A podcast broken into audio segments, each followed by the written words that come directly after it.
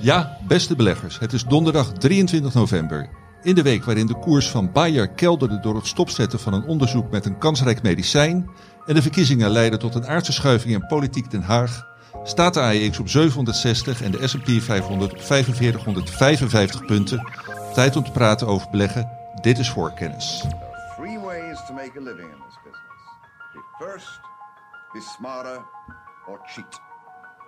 I don't cheat. Beleggersbelangen presenteert voor kennis.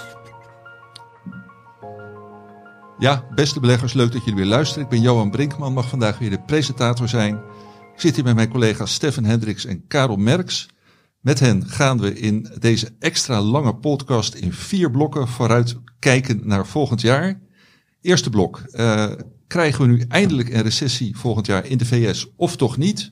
Dan, wat betekent dit voor de S&P 500 en met name voor de zogeheten Magnificent, Magnificent ik wist dat ik het verkeerd ging uitspreken. En eh, verder, eh, wat zijn de gevolgen eh, van de verdere deglobalisering op de financiële markten? Tot slot, wat worden de hypes en de anti-hypes van 2024? Maar zoals altijd beginnen we met terugblikken. Stefan, wat is jou afgelopen week het meest opgevallen? Nou, we hebben natuurlijk eh, alle berichten gehad over ehm, Microsoft en OpenAI. En de topman die wegging en weer terugkwam. En al dat soort zaken. Bayer heb je al benoemd. Dat was natuurlijk heel erg opvallend. Ehm, ik wil het eigenlijk hebben over een aantal CMD's. Capital Market Days, oftewel beleggersdagen die verschillende bedrijven hebben georganiseerd. Drie daarvan zou ik er willen uitlichten. Misschien niet helemaal toevallig drie. Ehm, van aandelen die ik ook zelf in portefeuille heb. Dus eh, twee defensiebedrijven uit Duitsland, Rheinmetall en Henselt. En één nutsbedrijf uit Italië, Enel. Eh, van die drie klonk eigenlijk eh, Rheinmetall verreweg het meest positief. De koers ging ook het hardst omhoog van dat drietal. Hele ambitieuze doelstellingen. Een omzet die in 2026 ergens tussen de 13 en de 14 miljard euro moet liggen. Terwijl die dit jaar, denk ik, volgens mijn schattingen zo op 7,7 miljard uitkomt. Dat is natuurlijk echt enorm veel. Met een marge die dan ook moet gaan stijgen van eh, nou, ruim 12% nu tot ruim 15% in 2026. Dus dat betekent niet alleen meer omzet, maar ook nog beter renderende omzet. En dat betekent dus ook meer winst en ook meer dividend, vermoed ik zo, voor aandeelhouders. Dus ruim metaal klonk heel erg positief.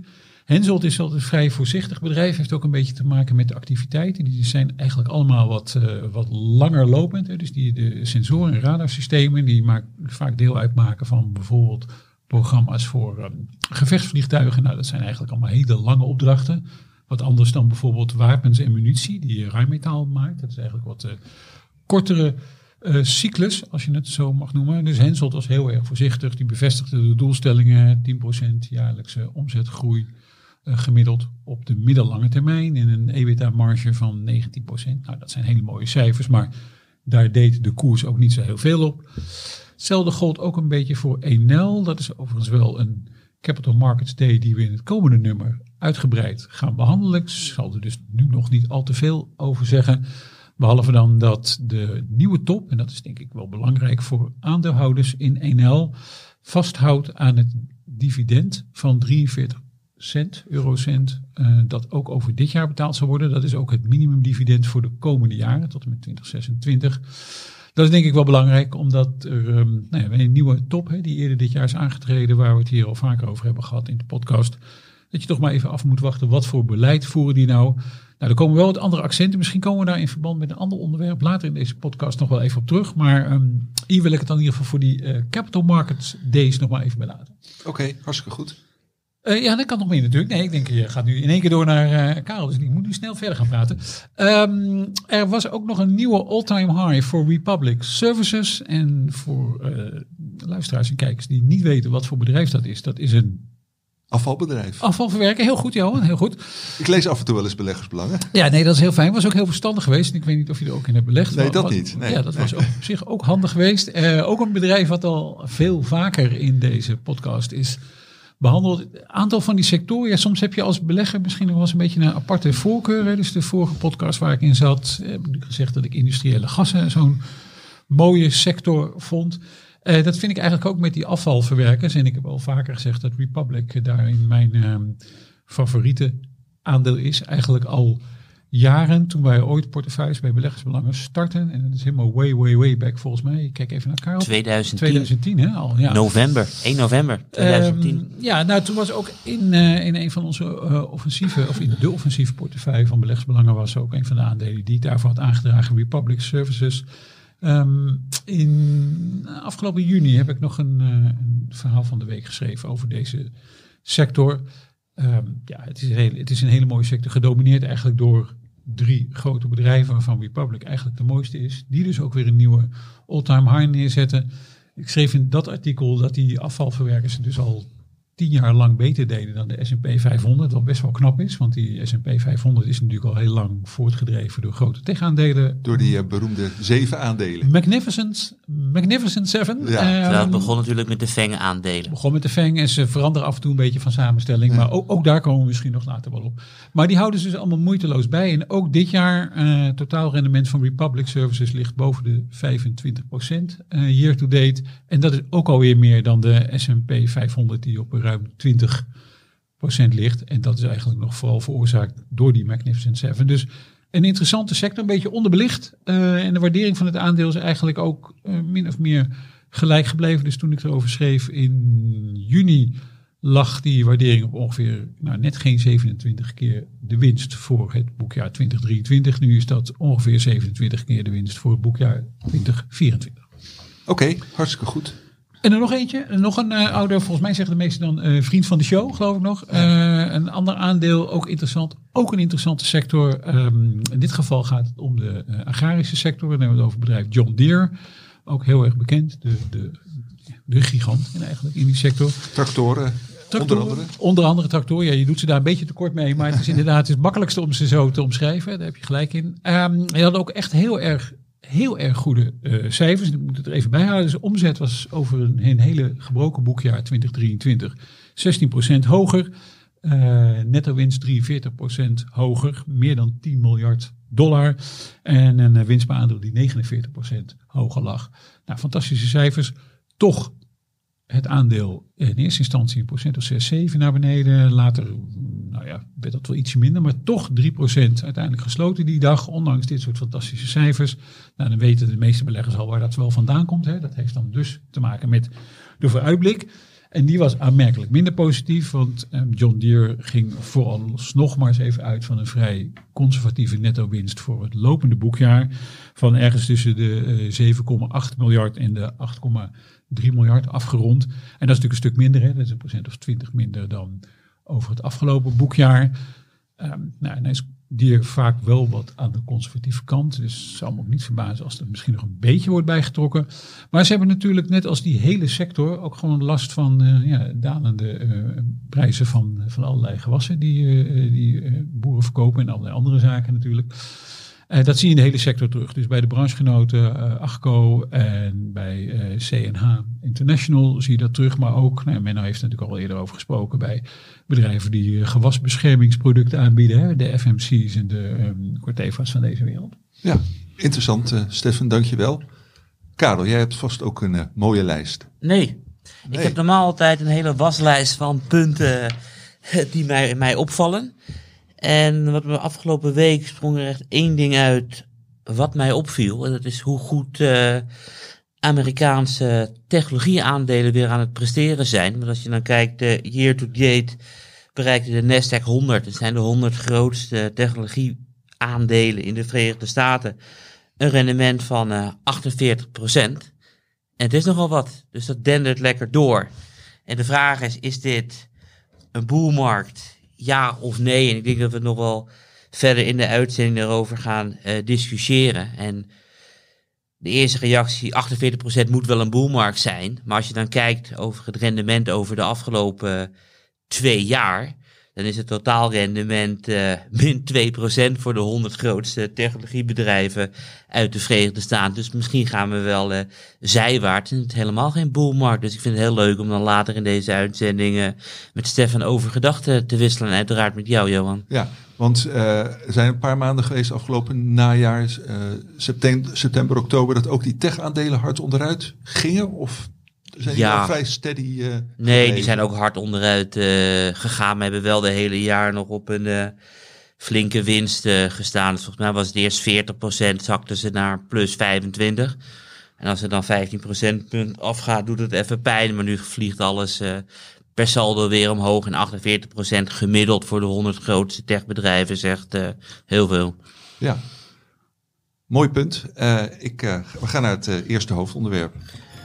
Nee, want we gaan het is een van de laatste uitzendingen van het jaar. Het is goed tijd om de klassieke fouten te herhalen. Of in ieder geval misschien nog af te leren de komende weken. Want uh, waar hebben de heren uh, aan tafel uh, voor het magazine van deze week over geschreven? Karel. Um, mijn positie in frozen orange juice, zoals het zo mooi heet op de beurs, bereiken een plus van 180%. En er zijn een aantal lezers die ook deze positie hebben. En die vroegen mij uh, op het forum, hoe kijk je er nu tegenaan? Uh, wat moeten we doen? Dus ik heb echt een heel lang uh, antwoord geschreven op ons forum. En ik denk dat ons forum ook goud is voor de beleggers die geen abonnee zijn van Beleggersbelangen. Dus ga naar ons forum en sluit een abonnement af. En voor het blad heb ik daarvan een, een samenvatting geschreven, omdat we daar veel minder ruimte hebben dan op het forum. Oké, hartstikke goed, dankjewel. Stefan? Uh, nou, laat ik de jaarcijfers van Siemens er maar eens uithalen. Die waren eigenlijk veel, veel, veel en echt heel veel beter dan gedacht. Het vierde kwartaal was echt top van uh, Siemens. Heel erg onverwacht eigenlijk. Ontzettend goed. Heel veel cashflow ook binnengekregen. En de, de orders waar dan heel erg naar gekeken wordt natuurlijk voor een, uh, een bedrijf als Siemens. Die vielen heel erg mee. Dus in, in hun belangrijkste divisie daalden die orders wel iets. Maar um, niet genoeg om uh, eigenlijk om beleggers uh, teleur te stellen. Want het aandeel vloog omhoog, een procent of zes na publicatie van de cijfers. En dat is voor bedrijf van de omvang van Siemens natuurlijk best stevig. De vooruitzichten die gegeven werden, die waren eigenlijk ook helemaal niet slecht. Um, het is alleen wel zo dat eerste kwartaal wordt het slechtste. En ik ben wel heel erg benieuwd of Siemens inderdaad zo optimistisch kan blijven nadat eerste kwartaal. Um, dat heb ik ook geschreven, dus na, daarvoor gaan we nog even op terugkomen. Maar de hele interpretatie van die cijfers valt te lezen in het nummer van uh, deze week. Ja, en daar heb ik trouwens nog wel een uh, vraag over, Stefan. Want ik heb dat uh, artikel uiteraard ook gelezen. Ik vroeg me af, is het nou specifiek iets voor Siemens? Of zegt dit iets over ja, de markt of de, ook voor sectorgenoten? Uh, doel je op iets specifieks uit het artikel? Nou, uh, nee, ik bedoel iets specifieks uit die uh, cijfers. Dat je zei van, ja, het was veel, veel beter dan verwacht. Kun je daar bepaalde conclusies uittrekken, ook voor sectorgenoten?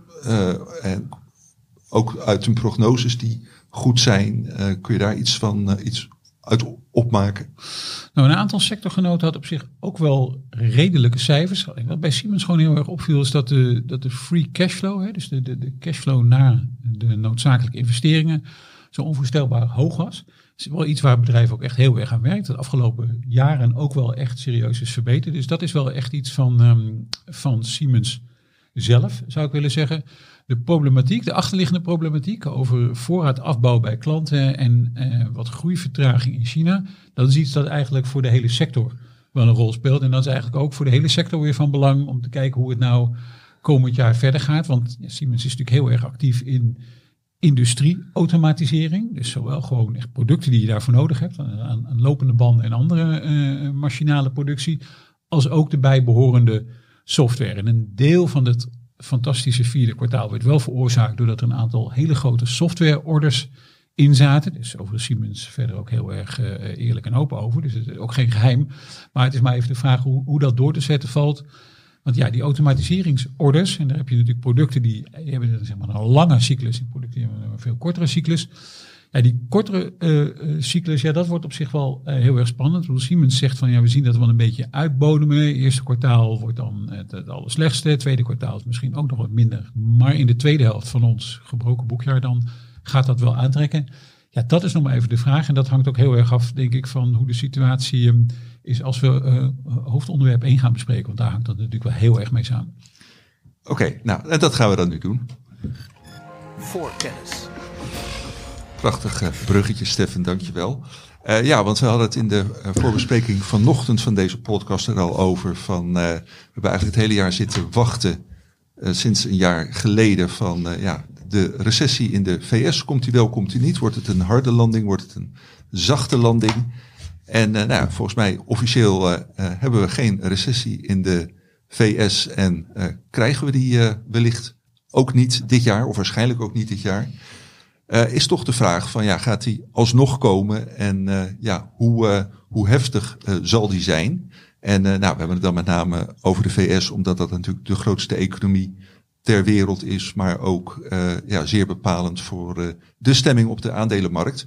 Karel, jij hebt je daarin verdiept. Wat zijn jouw bevindingen? Misschien is het ook wel leuk om een oud artikel van Hildo in de show notes te zetten. Want hij volgens mij vorig jaar een artikel geschreven waarom eh, Europese recessies niet relevant zijn voor beurskoersen en Amerikaanse recessies zijn wel relevant. Het is een heel mooi omslagverhaal wat gewoon tijdloos is, eh, wat Ja. ik wel kan aanraden. Gaan we erbij zetten. Maar ik denk, ehm, ja, ik zit in het kamp van een harde landing ehm, van de Amerikaanse economie.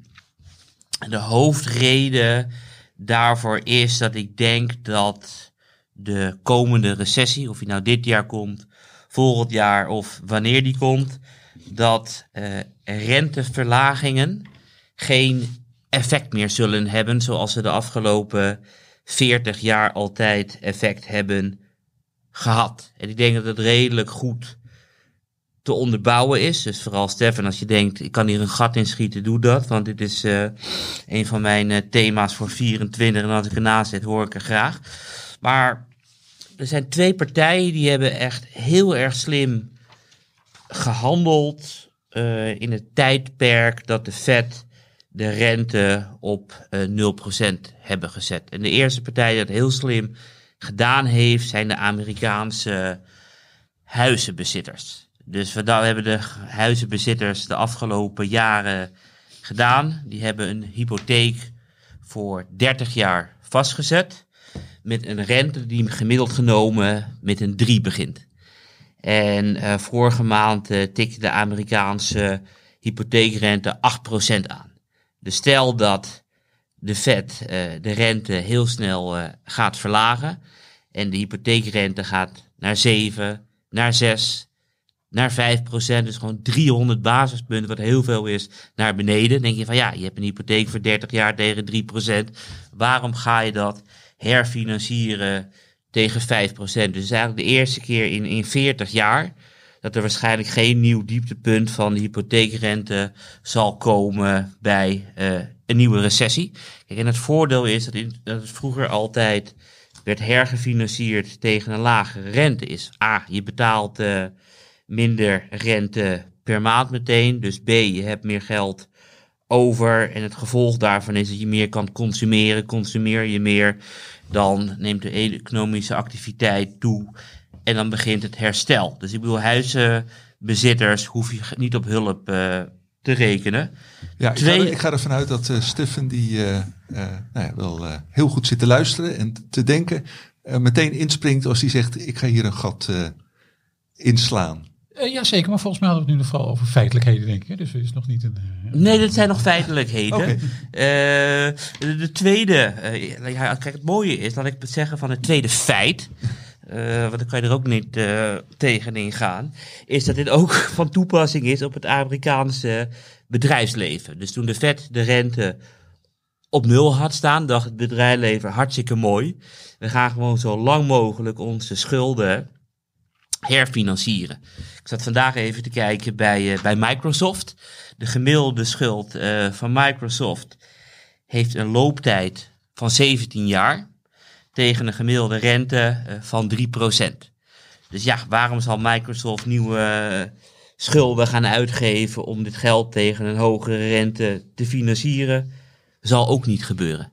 Dus dit is eigenlijk de. Oh ja, da- da- daar wil ik dan nog wel wat over zeggen. Oh, dat mag. Ga je gang. Ja, on- ondanks dat dat dan wel een feit was natuurlijk. Maar er zijn, eh, er zijn meer feiten in deze markt. Ja, Microsoft klopt. En een heleboel andere zogeheten investment grade bedrijven. Dus bedrijven van een goede kredietwaardigheid hebben dat ook gedaan. Al is de gemiddelde looptijd, als je het helemaal op indexniveau bekijkt, is de gemiddelde looptijd wel wat afgenomen. Zeg maar van dik 12,5 jaar. Naar 7 nu. Ja, iets, Acht. iets, iets meer. Net voor investment grade naar, naar 10. Oké, oké, Eh, investment grade. En, en eh, de S&P 500, hoeveel investment grade bedrijven zitten Oh, dat, weet ik, daarin? dat weet ik niet uit mijn hoofd. maar Wel heel veel, toch? dat moeten verreweg Echt wat op, ver, verreweg de meerderheid. Eh, maar ehm, in de high yield markt, eh, daar zien we eigenlijk wel een beetje het omgekeerde. En dat is potentieel problematisch iets, want daar is de looptijd wel echt heel erg teruggebracht. Eh, en daar, daar lag je al niet zo hoog. High yield leningen hebben altijd al een kortere gemiddelde looptijd. Eh, waarom? Omdat je als je een risico neemt met het uitlenen van je geld aan een bedrijf dat wat minder kredietwaardig is dan bijvoorbeeld een Microsoft of een Johnson Johnson, dan zet je dat geld liever niet voor een hele langere periode weg. Hè? Want hoe langer de periode dat je het wegzet, hoe groter de kans dat er iets misgaat. En als er bij een high yield bedrijf iets misgaat, dan gaat er meestal ook iets goed mis. Dus dan ben je ook een deel van je geld kwijt. Dus dat is niet zo heel erg handig. Dus die gemiddelde looptijd ligt korter. Pak het er even een beetje bij, want ik had er zelf ook naar aan zitten kijken. En die is in, denk ik, in twee jaar tijd van 6,5 jaar naar nog geen vijf jaar gedaald, die gemiddelde looptijd. En als je naar het hele herfinancieringsschema kijkt van die eh, dollar high yield markt, dan hebben we het over bedrijven die dus die leningen in dollars uitgeven, dat kunnen dus zowel Amerikaanse als Europese bedrijven zijn, dan moet ongeveer de komende twee jaar, dus 2024 en 2025, een derde van die hele schuld worden geherfinancierd.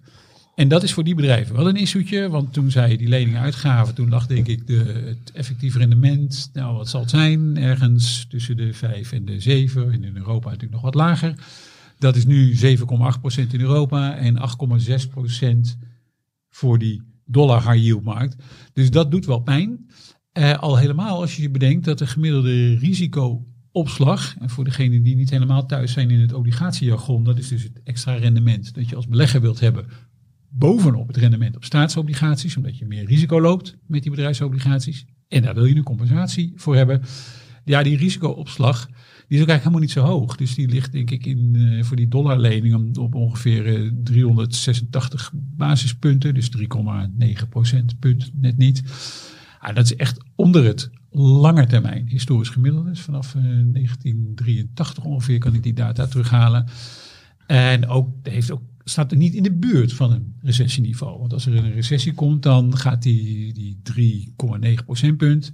En die moet, die moet wel verdubbelen, denk ik. Ja. Maar Kijk, en wat ik daar wat tegen in mag brengen, eh, Johan, Stefan heeft eh, volledig gelijk. Hij zei allemaal eh, feiten dat een bepaald gedeelte van de Amerikaanse economie het zwaar heeft en het inderdaad steeds zwaarder eh, begint eh, te krijgen. en het goede nieuws en daarvan je- is dan dat zij dan van renteverlagingen wel baat hebben. daar wil ik niet naartoe. Waar ik naartoe wil is dat ehm, ik het belangrijk vind om te kijken van de effecten die Stefan omschrijft zijn negatief. De effecten die ik omschrijf zijn positief. En wat gebeurt er nou onder de streep? En als je dan onder de streep kijkt, dan vind ik het heel erg interessant om te kijken tussen maart 2022 en nu. Wat is er gebeurd? De Amerikaanse Fed heeft de rente verhoogd van 0 naar 5 procent. En als je dan keek naar de Financial Condition Index, die laat dus zien hoe eh, de financiële condities in het Amerikaanse eh, financiële systeem zijn, die nemen alleen maar toe. Dus de, de economische activiteit, de financial conditions nemen toe, terwijl de rente flink stijgt. En waardoor is dat? En Warren Buffett heeft het heel erg mooi uitgelegd. Die zegt, ik heb eh, ruim 100 miljard aan cash. Ik kreeg er eerst eh 0% voor. Dus dat betekent dat ik elk jaar 0 euro aan rente kreeg. En dit jaar krijg ik al 5 miljard aan rente. Oftewel, eh, de schulden eh, wegen minder zwaar mee dan dat de cash meeweegt.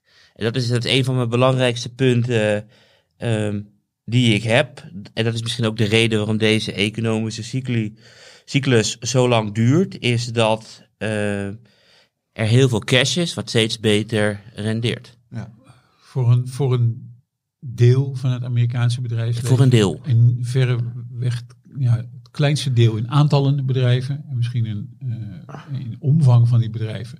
Wel heel erg groot. Ik denk dat je Als je een beetje aan de onderkant kijkt, naar de eh, Russell 2000, dus van die small caps ook kijkt, uh, dan ligt de situatie wel wat anders. Daar is het wel lijden, denk ik. En is het ook voor komend jaar. Maar hopen dat daar geen recessie komt, want dan kukelen er wel echt een paar om. Ja, maar dan komen we dus bij mijn punt van uh, waarom de harde uh, landing. Want stel dat de Fed de rente heel snel gaat verlagen. Dan heb je dus mijn gedeelte van het Amerikaanse bedrijfsleven die in rap tempo minder goed krijgt. Dus Buffett krijgt dan niet meer uh, 5 miljard per jaar rente, maar dat gaat heel snel, als de rente naar nul gaat, wordt het heel snel weer nul. Dus dat gedeelte uh, krijg je dan in één keer zwaar bij de renteverlaging. En de vraag is, op het moment dat je de rente heel hard verlaagt, kunnen dan die high-yield bedrijven weer lager herfinancieren dan tijdens de vorige recessie? Uh, ja, dat, dat zou misschien wel of niet kunnen. Bij high-yield bedrijven moet je altijd wel iets bedenken. Normaal gesproken is het natuurlijk, zou je denken, voor obligatiebeleggers niet zo gunstig als de rente stijgt. Bijvoorbeeld de lange rente. Maar voor high-yield bedrijven is dat minder erg, want als de lange rente stijgt, omdat het economisch goed gaat, betekent dat die high-yield bedrijven hè, veel beter financieel uit de voet kunnen en veel meer solide zijn. Omgekeerde geval wil het ook nog wel zijn als die rente daalt, als het dus slecht gaat, want die rente wel moet dalen, dan krijgen die bedrijven natuurlijk ook veel moeilijker. En dan dat deel waar jij naar kijkt, dat is op zich terecht. De herfinanciering zou misschien gunstiger kunnen zijn, omdat de rente daalt. Maar als er een recessie komt, of in ieder geval een economische teruggang, of we het nou wel of geen recessie noemen, dan zul je zien dat de marge van die bedrijven onder druk komt, daarmee de winstgevendheid van die bedrijven onder druk komt. En dan vliegen die risicoopslagen omhoog. En dan geef ik je op een briefje in zo'n scenario dat de stijging van die risicoopslagen de daling van de rente wel niet gaat doen. Voor dat deel van de markt. Ja, en, en wat we dus 40 jaar lang gezien hebben, is dat er elke keer uh, lagere risicovrije rentes zijn in een recessie. En ik denk dat die trend uh, gekeerd is. Dus op het moment dat je 30 jaar rentes hebt, eerst voor, wat zal het zijn? Procentje of 15 in de jaren, begin jaren 80, wat dan helemaal daalt tot 1% in, uh, in 2021. Dat is misschien over met elke keer goedkoper herfinancieren. En dan kom je volgens mij niet meer zo makkelijk uit een recessie als je vroeger kwam. En vandaar mijn punt van, we krijgen een harde landing. Ja, nou ja, goed, die, uh, dat punt heb je uh, gemaakt. En zoals gewoonlijk zijn economen het niet met elkaar eens. En is het ook geen exacte wetenschap. Anders hadden we nu in een, al in een Amerikaanse recessie gezeten met al die voorspellers. maar dat weet je natuurlijk niet, hè, Johan? Want ik bedoel, want kijk, Amerikaanse recessies worden volgens mij door de NMBR-instituut gedaan. En dat zijn hele oude, wijze personen die dan heel erg lang gaan nadenken of de Verenigde Staten in een recessie zijn. Dus we hadden bijvoorbeeld in, in maart. Nee, ik ga het gewoon anders vertellen. Um, iedereen wist dat de Amerikaanse recessie in maart 2020. Amerikaanse economie in een recessie was in maart 2020. In januari 21 was er nog geen recessie bekendgemaakt. Ze waren nog aan het nadenken of er een recessie was, welke maanden. En uiteindelijk in april 21 werd bekend dat de recessie van 2020 in maart en april was. Dus ze hebben een jaar over nagedacht. En die recessie daarvoor werd volgens mij bekend, corrigeer me eventjes Stefan, uh, in september of in oktober 2008 werd het bekendgemaakt dat die al in december 2007 ja. begonnen was. Omdat die Amerikanen geen recessies meten van krimp. Nee, ze kijken de top van de cyclus tot de bodem. Dus het is ja, je weet het niet, misschien nee. zitten we er al in. Ja.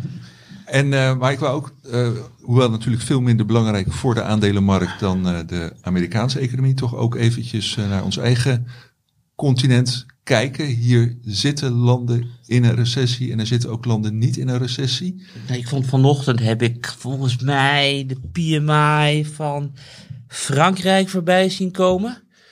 Die was geloof ik 41 of 42. De, de inkoopmanager. Ja, en dat was ja. dus lager dan tijdens de eurocrisis. Maar wel nog hoger, maar alleen eerder gezien in eh 2020 en 2008. Dus ik bedoel, die industrie van Frankrijk heeft er ook echt geen zin in.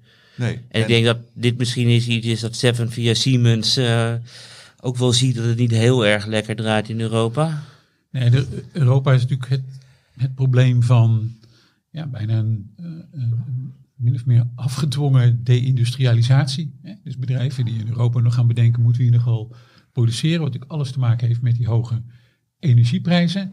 En ook met nou ja, de, de, de wil misschien wel van politici om bepaalde productie niet meer in Europa plaats te laten vinden. Dus Inflation Reduction Act. ja, dat. Maar bijvoorbeeld ook een eh, een Bas F. vind ik daar dus ook een heel erg goed voorbeeld van. Die klagen natuurlijk al heel lang. Het is ook een extreem intensief, eh, energie-intensief bedrijf. Dus het verbaast me ook niet dat die daarover klagen. Maar die hebben er natuurlijk al gewoon echt last van. Die zeggen, ja, onze productie in Duitsland is gewoon eigenlijk minder competitief dan wanneer we dat ergens anders doen. Dus ja, die, hun investeringszwaartepunt ligt bijvoorbeeld in China. En dat brengt dan weer, nou, daar komen we misschien straks nog wel over, dat brengt dan weer een ander risico met zich mee. Dus dat is, Europa is ook nog een beetje een apart geval eigenlijk ten opzichte van de VS nu.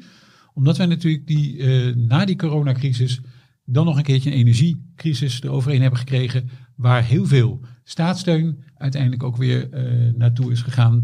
En wat ook wel een beetje die, de industriële basis van Europa heeft geraakt. Ja, en wat ik me uit dat eh, artikel van eh, Hildo kan herinneren als opvallend feit, was dat, dacht ik, in de hele jaren negentig, waarin aandelen natuurlijk booming waren, een groot deel van die jaren negentig de Duitse economie zich in een recessie bevond. Dus ja, zo weinig eh, eh, samenhang eh, kan er zijn tussen die twee.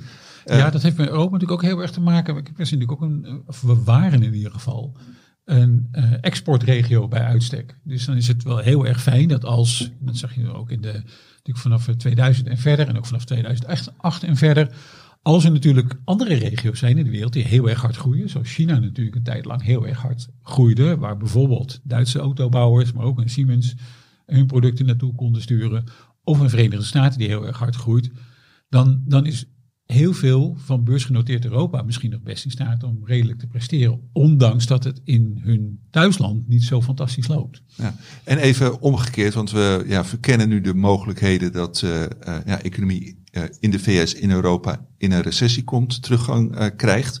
Maar zijn er ook redenen te bedenken waarom dat allemaal ja, zal meevallen en ja, misschien wel gewoon de economie weer lekker gaat Ja, groeien? de belangrijkste reden, denk ik, eh, is dat. Nee, laat ik het bij mezelf houden waarom ik ernaast zit. Want ik was een van de mensen die zei 2023 gaat sowieso een recessie worden.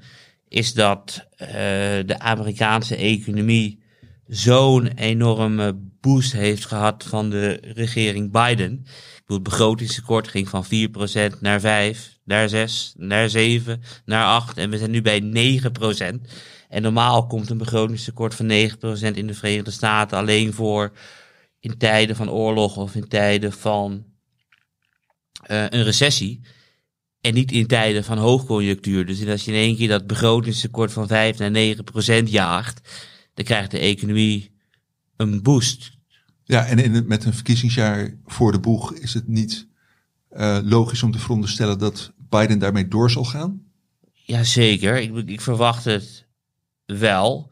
Alleen er zijn nu steeds meer officiële Amerikaanse instanties die beginnen te rekenen. Dus je hebt, eh, ik mis even de naam, hoe het in de Verenigde Staten heet, maar in Nederland heet het de Rekenkamer, die af en toe wat doorrekent. Nou, je bedoelt de CBO of niet? Ja, CBO. Congressional Budget Office. Ja, dankjewel uh, Stefan, uh, de man van de details. Waar was ik zonder jou? um, die heeft dus berekend van, als er geen uh, recessie komt, en we gaan gewoon lekker de komende vijf jaar door hoe het nu uh, doorgaat, dan moet ruim 50% van de belastinginkomsten, die moet naar het afbetalen van, of dat afbetalen, rentebetalingen doen op de Amerikaanse schuld. En dat kan helemaal niet, want je moet ook andere uitgaven doen. En wat als die recessie komt, zal vast wel een keertje komen ergens in de komende vijf jaar.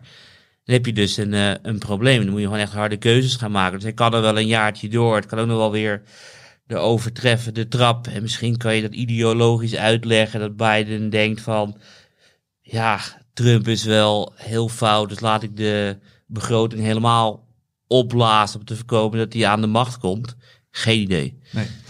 Nou, eh, ook hier eh, komen we waarschijnlijk later in deze podcast nog wel eh, op terug. Ik eh, wil jullie bedanken voor de behandeling van het eh, eerste hoofdonderwerp. Voorkennis. Magnificent. Ik krijg het echt niet. Ik probeer het. Er zit een Magnificent Seven. Heel goed, dan Ja, maak je er ook de, de M7 van. de M7, ja. Lijkt wel de Britse veiligheidsdienst. eh. De M7 en de S&P eh, 500. Even voor de luisteraars en kijkers die dat niet weten. S&P 500, de breed samengestelde Amerikaanse eh, aandelenindex. Ehm, en eh, ja, eigenlijk wel waar de meeste eh, serieuze particuliere beleggers eh, naar kijken als het eh, ja, om de koers van, eh, van de aandelen gaat. En daar heb je inderdaad de, de M7 in. Eh, dat zijn eh, ja, zeven grote technologiebedrijven, die hebben daar grote invloed op. Ehm, en eh, ja, hoe, hoe kun je met, eh, met deze index en met deze zeven bedrijven geld verdienen? Daar heeft eh, Stefan zich in eerste instantie in verdiept. Hij schudt nu heel hard zijn hoofd. Eh, ja, heel, heel zachtjes. Heel zachtjes Ik zijn dacht- hoofd. Ik dacht buiten beeld, maar dan... ehm, Maar- Je zit met je hoofd voor de camera stemmen. nou, ik, ik, dacht, ik dacht dat ik me net achter de microfoon gescholen had, maar kennelijk niet duidelijk genoeg. Nee. Ehm. Nou, even insight eh, informatie, eh, zonder eh, daarin in details te treden. Karel weet altijd vrij veel dingen heel zeker. En Stefan die bouwt meer nuances in zelf al. Dus vandaar dat hij misschien ook al zijn hoofd een beetje schudt. Maar toch gaat hij wat zeggen over de Amerikaanse aandelenmarkt. Ja, nee, dat, dat, dat is een aanloopje waar ik me eigenlijk al wel wat meer kan vinden. Ja, dus een van de merkwaardige dingen van 2023 was natuurlijk eigenlijk niet alleen dat die beurzen ontzettend hard stegen. Nou, je kunt zeggen, nou het veert op naar 2022, dus misschien is dat nog niet zo heel erg logisch. Maar het is eigenlijk wel interessant om te bekijken waar die stijging dan heel erg vandaan komt. En die komt dus heel erg eh, in vrij extreme mate van die Magnificent 7 of M7 als we het even kort eh, willen eh, afkorten. dat zijn er dus die zeven grote tech- of groeibedrijven. Ze vallen allemaal een beetje in verschillende sectoren. Dus hebben we het over Apple, Microsoft, Nvidia, Amazon, Google, Tesla en Meta platforms. Nou, dat eh, zevental eh, is ehm, eh, dit jaar goed voor ongeveer nou, ik zeven, nou, zo 75 plus procent van de winst van de volledige S&P 500. Dus die S&P 500 die heeft een stijging van meer dan 710 punten erop zitten per saldo dit jaar. Daarvan zijn ongeveer 565 afkomstig van slechts zeven bedrijven. En dat is eigenlijk wel, ja, dat is op zich heel opmerkelijk. Niet misschien eh, zo opmerkelijk als je eh, in eerste instantie zou denken. Want deze getallen zijn wel vrij extreem, maar het is, het is wel vaker geko- voorgekomen. 2022 waren ze natuurlijk verantwoordelijk voor een groot deel van de daling. Maar eh, 2021 en 2020 waren ze ook goed voor eh, respectievelijk, wat was het, 36 en 55 eh, procent van de totale winst van de S&P 500. Maar dit jaar is het dus wel echt heel erg extreem. En in de vooruitblik op de Amerikaanse aandelenmarkt van Goldman Sachs, waar dan ook eh, eh, hele eh, duidelijke eh, indexdoelstellingen worden afgegeven, wat we volgens mij niet gaan doen, deze podcast, Johan. Ah, jij althans niet, Nee, Stefan? nee, of je, nou ja, misschien als je net als je Karel nog zo ver krijgt dan. Ik heb wel een huiskamervraag voor je, Stefan. eh, Nou, stel hem Karel. Ik bedoel, we hebben nu heel erg Nvidia. Ja. Wat was de grootste concentratie aller tijden? Van heel weinig fondsen die gewoon zoveel beter presteren dan de rest. Geen idee. Ergens in de Nifty 50 tijd. Je bent wel warm. En waar begon het mee? Ah, IBM. Heel goed. Ik bedoel, IBM eh, had een weging van 13,8% eh, op het moment dat eh Neil Armstrong een voet op de maan eh, zette. Het was het hoogtepunt van eh, ja, extreem hoge waarderingen. En uiteindelijk bleek het precies de top te zijn, dat eh, moment. Maar ga verder. Nou, nou, nou ja, dit is eigenlijk wel een goed punt. Want het is nog maar eens een bewijs dat misschien markten veranderen. Hè, omstandigheden veranderen. tijden veranderen. Maar menselijk gedrag blijft altijd wel een beetje hetzelfde. Dus het, het- concentratie in dit soort fondsen. Wat natuurlijk alles te maken heeft met eh, eh, en, eh, en elektrisch rijden. En eh, eh, AI. eh, en, en de aantrekkingskracht van die eventuele groei. Dat zorgt natuurlijk wel echt voor Eh excess in dit jaar is dus nog veel erger dan die jaren daarvoor. Dat is wel heel erg apart. Want Goldman Sachs had dus her en der uitgerekend. En eh, die zeiden dat eh, die Magnificent Seven dus een, eh, een, rendement van 71% hebben geboekt dit jaar. eh, gemiddeld met hun zevenen. En de rest van de S&P 500, die 493, slechts 6%. En dat is natuurlijk zo'n onevenwichtigheid in die hele markt.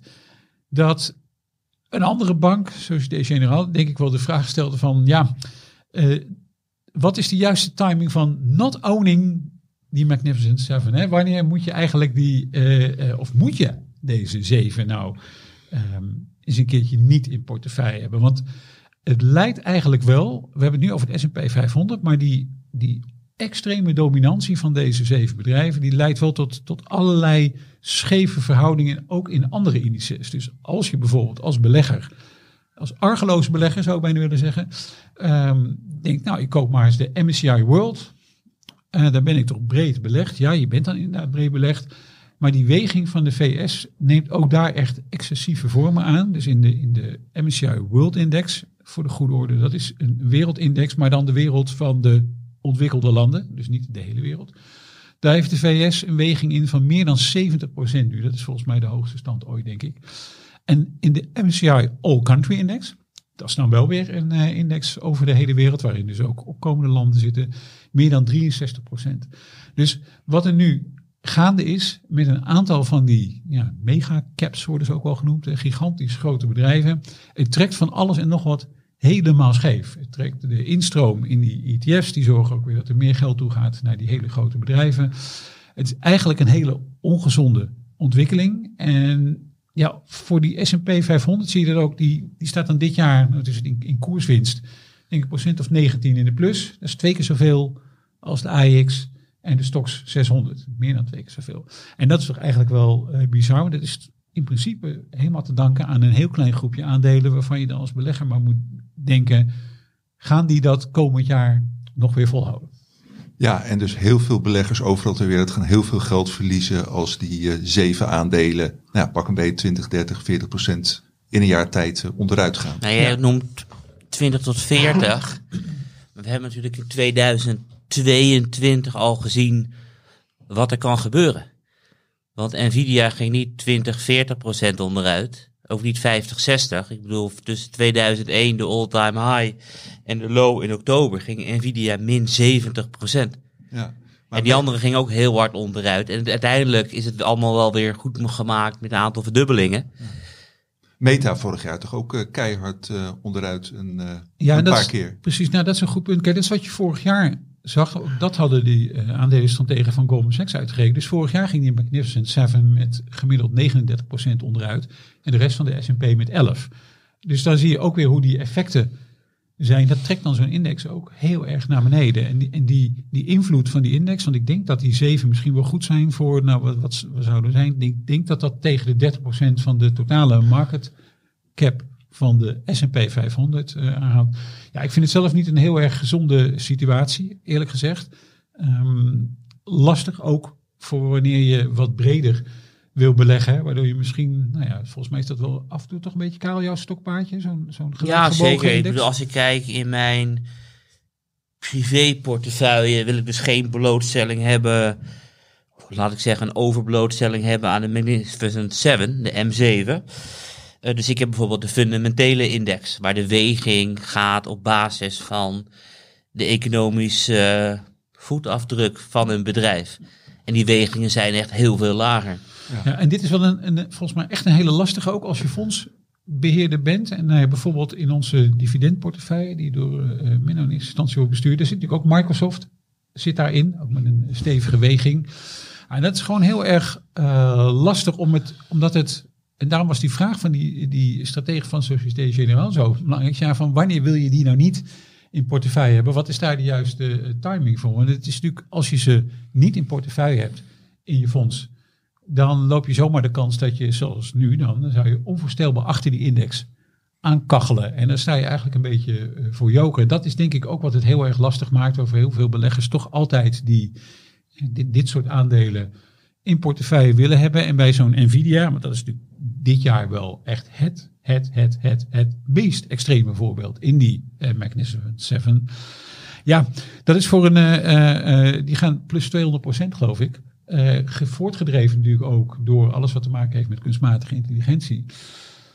Maar ja, hoe lang, hoe lang wil je daarin zitten? Ik heb bijvoorbeeld zelf, ja, ik heb er nu spijt van, maar ik heb zelf nooit, Nvidia nooit zo goed begrepen dat ik daar eerder in zat. Ik had anderhalf geleide aandeel, daar ben ik een paar, daar ben ik op zich wel happy mee. Maar dit is natuurlijk, dit is een hele lastige vraag voor komend Het is ook een hele lastige, want om even Druckenmiller erbij te halen, die beroemd is geworden van uh, 30 jaar lang echt hele hoge rendementen tussen 1970 en 2000 die zegt: Mijn grootste positie in mijn uh, beleggingsportefeuille is Nvidia. En de reden daarvan is, is dat de wereld aan het deglobaliseren is tussen Oost en West. En dat betekent dat gewoon de wereld moet investeren in kunstmatige intelligentie. En ik zie Nvidia als uh, de olie van 73, 74. In 73, 74 ging alles kapot op de beurs. De enige sector die positief was, was olie. Omdat je het gewoon per se nodig had. Nu heb je per se die chips nodig. Dus dan zit die long Nvidia. Zei die begin van het jaar. En ik denk van wow, bouwt de uitspraak. Maar ja, zijn gemiddelde rendement was geloof ik 30 jaar lang 30% per jaar. Een van de grootste beleggers aller tijden. En die ziet het als olie van de oliecrisis ben ik vooral heel erg benieuwd wat hij na een uh, koersstijging volgens mij van meer dan 200 procent. Ik ben heel nieuwsgierig. Ik denk wel dat hij heeft afgeroomd. alleen, het einde van dit eh, jaar hiervan vind toch. Ja, en uh, nou, als ik me niet vergis, hebben wij op die M7 aandelen alleen een verkoopadvies op Tesla. is natuurlijk toch ook een beetje apart, apart verhaal binnen die zeven. Dus de andere aandelen zeggen wij houden of kopen. Uh, dus ja, dat betekent dat wij uh, als beleggersbelangen in ieder geval niet uh, pessimistisch zijn over die zes van de zeven. Ehm, maar toch, Karel, zeg jij zo'n zo'n gewogen index, dat geeft jou een beter gevoel dan, dan gewoon de S&P volgen. Ja, 100 procent.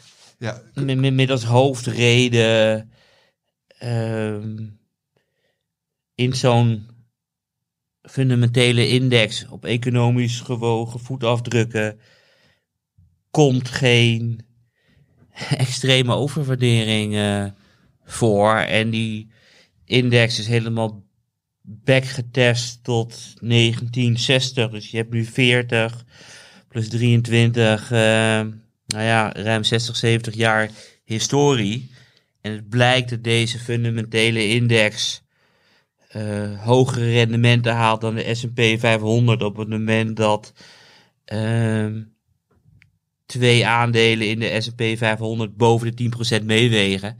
En dat is nu dus. Ik denk dat er een outperformance gaat komen. Alleen het is wel uh, op basis van jaren, niet op korte termijn. Nee, dat maakt het lastig. We hebben het hier over de, de 2024 ja. vooruitblik, Johan. Daar, daar had ik ook al iets over gezegd. Van hoe ver kan je vooruitblikken en wat kan je daar precies voorzinnigs over zeggen. Want je had natuurlijk ook na 2020 eh, kunnen zeggen, jeetje, we hebben een klein aantal aandelen. Toen heb ik het eens uitgezocht voor uh, de top 5 van de S&P 500. Jeetje, we hebben hier toch een bovengemiddeld hoge invloed. Uh, 36% geloof ik doen op het totale mm. rendement. Om vervolgens in 2021 nog gewoon eens even lekker door te trekken met nog een hoger uh, aandeel in het totaal rendement. Nu ligt het aandeel van de Magnificent Seven uh, nog eens hoger dan dat in het totaal. Dus het, het, ja, het, het, voelt een beetje als steeds ijlere lucht. Maar, ja, maar het ligt er ook aan natuurlijk hoe je erop reageert en wat je doet. Dus ik heb ook gezegd van, ik geloof er niet in in 2020. De SP 500 is overgewaardeerd. Ik vind Nvidia vind ik echt uh, toen al verschrikkelijk duur. Maar kijk bijvoorbeeld naar aandelen als Totaal, uh, Total, Chevron en dergelijke. Uh, Chemico heb ik benoemd. En wat wel grappig feitje is, is dat sinds 1 januari 2020 Chemico hetzelfde rendement heeft behaald als Nvidia. Dus het gaat natuurlijk ook om wat je als alternatief doet. Oké, en kunnen we jouw uh, laatste artikel over die uh, fundamentele gewogen index in de show notes uh, zetten, Karel? Ja, nou, niet mijn laatste, maar ik, we hebben, ik heb in 2021 een omslagverhaal geschreven, ik wel, wel diep ben gegaan, ik denk die het leukste is. Oké, nou dan eh, gaan we dat doen en eh, ronden we dit eh, onderwerp af. Voorkennis. Derde hoofdonderwerp, eh, deglobalisering. Dan kijken we weer in eerste instantie eh, Karel aan, die zich eh, daar met name sinds het eh, uitbreken van de oorlog in Oekraïne begin vorig jaar nou, echt in verdiept heeft. Wat dat is en wat dat betekent voor de financiële markten. Karel, we zijn nou, bijna twee jaar verder nu, ruim anderhalf jaar verder, sinds een omslagartikel van, van jou daarover. Hoe, eh, hoe staat dat proces van deglobalisering nu en hoe eh, zal dat in jouw, eh, in jouw opvatting volgend jaar wel of niet verder gaan? Ja, ehm Stefan is vaak heel erg genuanceerd. Ik ben vaak wat uitgesprokener. En ik ben altijd op zoek naar indicatoren waardoor ik redelijk kan meten wat er aan de hand is en daardoor een hele uitgesproken mening heb. En ik heb een hele simpele mening wat betreft eh, globalisatie. Ik kijk naar de totale omvang van de wereldeconomie en ik kijk welk gedeelte export is en of dat toeneemt of dat afneemt. En op het moment dat elk land eh, naar binnen is gekeerd, gaan ze minder met elkaar handelen. Op het moment dat elk land eh, vriendjes probeert te maken over de wereld, gaan ze vaker met elkaar handelen. En zie je dus dat export een steeds groter gedeelte eh, van de totale wereldeconomie uitmaakt. En het leuke is, je hebt data vanaf 1800. En als je daarnaar kijkt, dan zie je dat globalisering, maar ook deglobalisering, extreem sterke trends vertonen. Als het goed gaat, gaat het alleen maar beter. En als het fout gaat, gaat het alleen maar eh, fouter. En die trends zijn echt heel sterk. Dus als je dan begint bij de data vanaf 1800 tot eh, 1900, dan zie je dus dat eh, de wereld steeds meer met elkaar gaat samenwerken en export maakt een steeds groter deel uit van de totale wereldeconomie. Om 1900 zie je pas de eerste trendbreuk. Dan gaat het alleen maar slechter, slechter en slechter tot 1946. Dan eh, hebben we een bodem en tussen 46 en 2008 gaat het alleen maar beter, beter. En sinds 2008 is het eh, ja, gestagneerd en hebben we deglobalisatie en neemt het procentuele eh, exportgedeelte van de wereldhandel dus af. En dat hebben we dus ook gisteren, woensdag, bij de verkiezingen heeft het ook eh, Nederland eh, bereikt. eh, de deglobalisatie. Ik bedoel, Wilders vat het heel mooi samen gisteravond bij zijn eerste opmerking. De kiezer heeft gesproken en heeft gezegd, we zijn het zat, we zijn het spuugzat. Dus dingen moeten, moeten anders. Dus ik dacht vanochtend, laat ik eventjes kijken op de website van de PVV. Ze, wie die ook bedoelt, gaan energie, gas, autorijden nog veel duurder maken dan het al is. Wereldvreemde corruptie, Brusselse lieden die geen idee hebben dat normale mensen nu al bijna failliet gaan in een koud huis.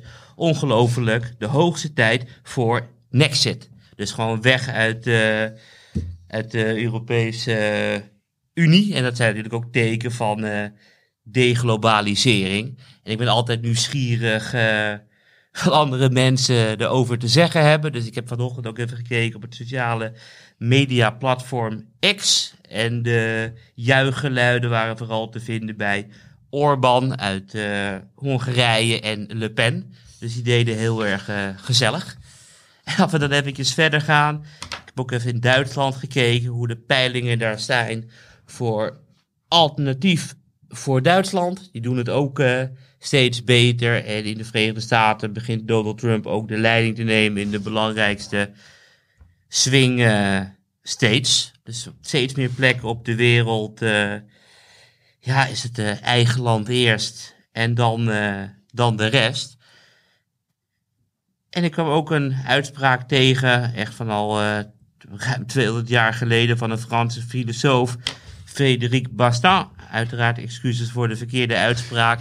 Die zei van, als eh, goederen de grens niet passeren, weet je, zullen soldaten dat doen. Dus de wereld is aan het eh, deglobaliseren. En ik denk dat dit verder gaat in 2024 met als hoofdreden. Die trends wisselen zelden. Maar dit is een trend die is, trend die is sinds 2008 ja, gaande. 2008 is dat, eh, dat gaande. Dat gewoon de export eh, procentueel daalt van de totale wereldeconomie. en ik denk dat ook in 2024 daarom belangrijk is om eh, defensiebedrijven in de Ja, beleggingsportefeuille. he- heel even, want ik vind Oh, het mag reuze interessant, eh, Karel. 2008, grote financiële crisis eh, natuurlijk. Ja. Was dat iets wat die deglobalisering triggerde? Ik eh, denk dat het belangrijkste. ik- ik weet niet wat de redenen zijn, want ik kijk meer gewoon eh, naar de data. Je, in de data liet zien dat het vanaf toen afnam. En heel veel data neemt vanaf 2008 af. Dus we hebben bijvoorbeeld steeds minder ehm, echte democratieën in de wereld. Dat is geloof ik afgenomen van 25% van de landen eh, naar 17. En we hebben steeds meer landen die onder autocratie vallen. Zijn geloof ik van 13% naar 18% eh, gestegen. Dus elk jaar heb je wel weer een koep, volgens mij nu vooral in, eh, in Noord-Afrika. En het begon natuurlijk in 2008, denk ik, dat de NAVO zei, eh, Oekraïne, Georgië, jullie mogen misschien komen praten om lid te worden. En toen pakte natuurlijk, eh, eh, viel eh, Rusland meteen Georgië aan. En toen had je 2012, begon het te rommelen in Syrië. En toen zei Obama van, Assad op het moment dat jij...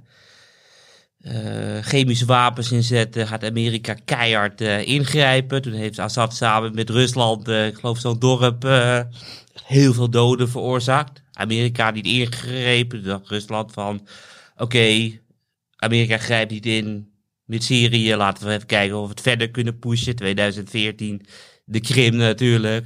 Dus dat je in 2016 kwam Trump aan de macht, nou ja, dan hoef je niks te doen. Want hij maakt zelf wel dingen kapot als terugtrekken van het klimaatverdrag. en zo dondert het alleen maar verder en verder. Ja, en zie jij daar de laatste jaren een bepaalde versnelling in ook? Of is het eigenlijk gewoon een, een vrij strakke lijn? Ja, dus heel erg. In de data zie je geen eh, versnelling. Maar als je dan ziet wat er in de wereld eh, aan het gebeuren is, is het heel veel nieuws wat normaal voorpagina nieuws is, niet eens meer op de voorpagina komt. Dus ik bedoel, het gaat ook helemaal mis tussen Azerbeidzjan en Armenië. Maar ja, op het moment dat Israël en Oekraïne alles vult, eh, komt die oorlog niet eens in beeld. Nee. Ehm, eh, goed dat je het eh, verder hebt eh, uitgelegd. En jij wilde, ja, dat is eigenlijk best een logische overstap nu naar de defensie-aandelen. Ja, het heeft twee voordelen.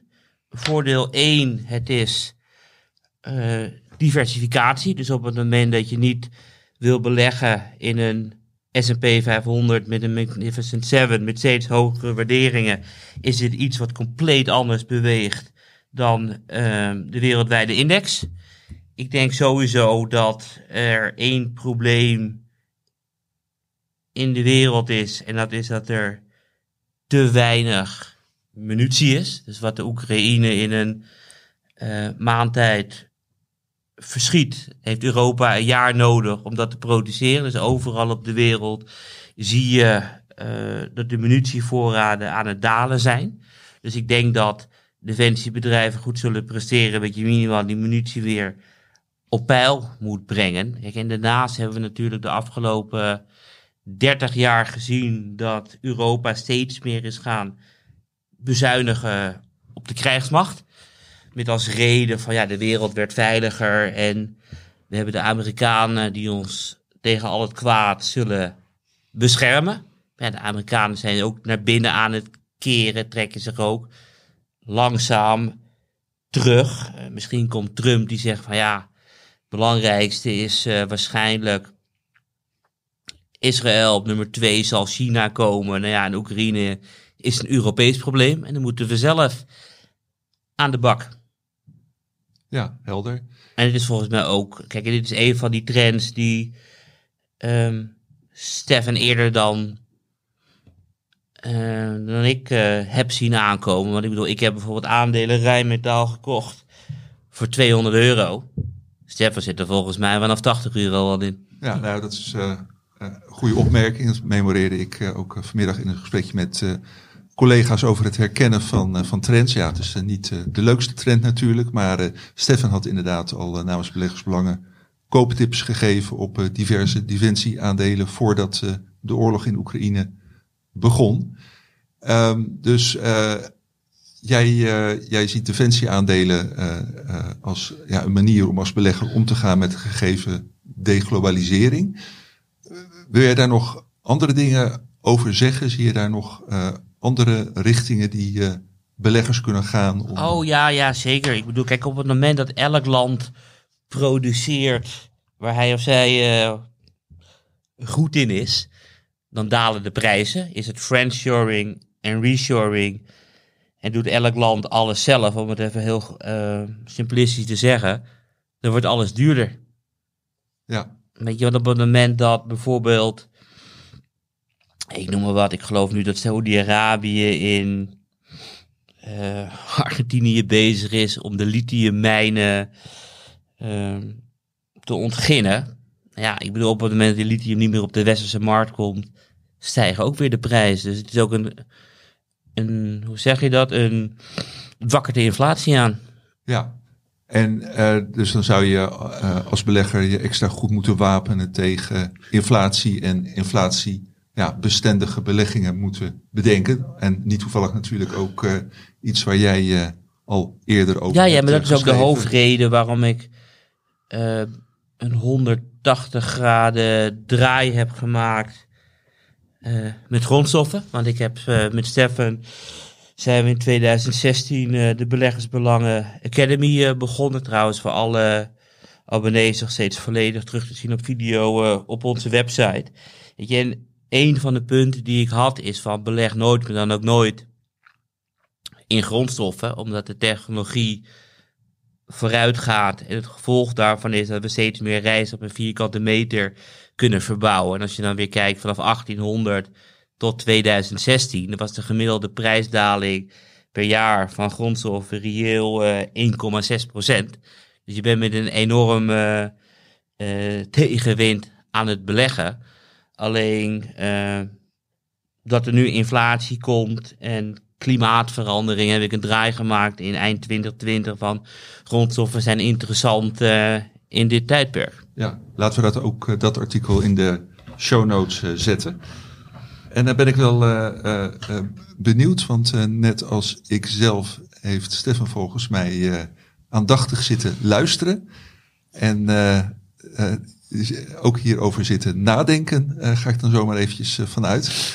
Heb jij eh, ja, bij dingen die eh, Karel zegt, een, kun je er een paar uitpikken waarvan je denkt van ja, daar heeft mijn collega gelijk. En misschien ook een paar dingen waarvan jij zegt van nou ja, dat zie ik toch echt eh, anders. Nou, ik ben inmiddels al zo genuanceerd omschreven dat ik gewoon heel vriendelijk zeg: ik heb misschien wat aanvullingen op wat mijn collega zojuist heeft gezegd. Ehm, eh, maar eens beginnen met de defensiebedrijven, wat mij betreft. Ja, die zouden nog steeds verder kunnen groeien. En ik heb net al wat gezegd natuurlijk over die Capital Markets Day van Rijnmetaal. En er was niet voor niets dat Rijnmetaal sneller denkt eh, te kunnen groeien dan bijvoorbeeld een Hensoldt. En waarom is dat? Omdat eh, als je meer wapensystemen, zware waffenträger noemen ze eh, eh, dat in het Duits, en heel veel munitie verkoopt. Munitie is natuurlijk wat kortere cyclus, wat net zoals Karel zegt, je stopt het ergens in, je schiet het af en je moet het weer opnieuw bestellen. Als ik het even gewoon heel cru mag zeggen, dus die orders zie je ook heel snel toenemen. Niet voor niks heeft Rijnmetaal bijvoorbeeld eh, Expal, de Spaanse munitieproducent, overgenomen. En bij de laatste conference call is de analistenbijeenkomst, waarin een toelichting op de cijfers wordt gegeven. Ja, klonk de topman van uh, ook met heel veel vertrouwen. Die hebben, ik weet niet hoeveel aan basismateriaal al ingekocht. En zegt van ja, de bezettingsgraden van fabrieken, dit heleboel is al, ligt al tegen de 90%. En daar gaan we waarschijnlijk nog wel overheen. Ik denk dat we op een gegeven moment full capacity moeten gaan draaien. Dus dat is op zich allemaal wel juist zijn een paar dingen die, eh, waar ik laatst ook zelf over na moest denken. Want ik ben natuurlijk aandeelhouder ook in dit soort bedrijven. En ik zag ook wel opeens wat berichtjes verschijnen. Nou, we hebben natuurlijk gehad, moet er misschien een wapenstilstand komen in eh, Gaza? Nou, dat is allemaal nu een beetje uitgesteld, geloof ik. Maar dat hangt kennelijk wel in de lucht. Eh, president Poetin van Rusland heeft zich volgens mij ook op een bepaalde manier uitgelaten, zoals nog niet eerder, denk ik, over die oorlog in Oekraïne. Dus als je belegt in die defensieaandelen, zijn er wel een paar dingen waar je over na moet denken. Eh, nu nog, het is voor eh, eh, mij misschien leuk als ik ze een beetje in, wat is het, 82 eh, de ruimmetaals heb aangekocht. En ze staan nu 290 ongeveer. Dat is hartstikke leuk voor mij in mijn privéportefeuille. Maar de vraag is een beetje hoe nu verder natuurlijk, want ze staan waar ze staan. En dan is denk ik wel van belang om even een paar dingen te bedenken. Dus die, die waardering is inmiddels aardig opgeschoten, maar nog niet excessief, denk ik, voor een bedrijf dat zo ver nog kan groeien, als ze zo ver nog kunnen groeien. En daarvan is het natuurlijk belangrijk op het moment dat die oorlog in Oekraïne, en dat zou goed nieuws zijn voor ons allemaal, natuurlijk snel zou kunnen stoppen. Dat betekent ook dat die orders anders zullen gaan worden. hè. Maar het is natuurlijk, wel- om even op dat punt in te breken, de vraag van... Volgens mij eh, stelt eh, Steffen... eh, zullen we even Steffen zijn zin laten Oh, afmaken? oh, oh, dat- oh, dat mag, maar Ja. dit is wel een heel belangrijk onderwerp. Nou, gewoon niet meer, want ik ben mijn zin denk ik toch al bijna kwijt. Nee, dat jij zegt, als er een staakt het vuren komt en het wordt vrede in Oekraïne, dan is de vraag natuurlijk van welke eh, oplossing kiezen we ervoor? Ik bedoel, gaan we bijvoorbeeld voor het Israëlische model? En het Israëlische model is, ze blijven zelf- zelfstandig, maar we stoppen ze wel prop, prop, prop, prop vol jaarlijks met allemaal nieuw wapentuig? Of kiezen we eh, ervoor om ze bij de NAVO te betrekken, of althans het gedeelte wat ze nu eh, in bezit hebben. Ik bedoel, er moet er ook meer wapentuig eh, naartoe. Of denk ik dan van, eh, op dit moment eh, is het sterkste leger misschien wel van Europa de Oekraïners. Omdat we gewoon al ons wapentuig daartoe sturen. En we moeten natuurlijk ook weer aanvullen. En de vraag is, hoe lang duurt het om al die voorraden, die volgens mij levert Duitsland ook echt heel veel, om dat weer allemaal aan te vullen. Ja, zeker. Het Maar lijkt me niet echt een trend van dat het zo gedaan is. Nee, het kiept ook niet zomaar om. Het is niet zoals er eh, bij wijze van spreken morgen een wapenstilstand wordt afgekondigd. Dat we daarmee meteen tegen die defensiebedrijven kunnen zeggen, nou jongens, stop maar met produceren. Hè, dit was het. We gaan nu lekker wat anders doen. Zo zal het ook niet zijn. Maar het, het, het, het gaat natuurlijk onmiddellijk dat, ja, het is, klinkt allemaal een beetje wrang natuurlijk, maar dat is eh, beleggen in defensiebedrijven natuurlijk bij tijd en wijle. Dat zal natuurlijk geen goed nieuws zijn in principe voor eh, defensieaandelen, omdat ook de harde noodzaak van het, van plaatsen van die orders, maar het dan ook daadwerkelijk laten uitvoeren van die orders, waarna hè, een bedrijf een omzet kan realiseren en vervolgens een winst en vervolgens een cashflow. Hè, dat is eh, dat hele proces. Dat zou wel wat anders kunnen worden dan nu misschien in sommige koersen is verwerkt. En dan heb je natuurlijk twee verschillende soorten bedrijven, zou je bijna kunnen zeggen. Dus de rijmetaals die, wat, die hier wat korter op zit, vanwege gewoon het type product dat ze maken.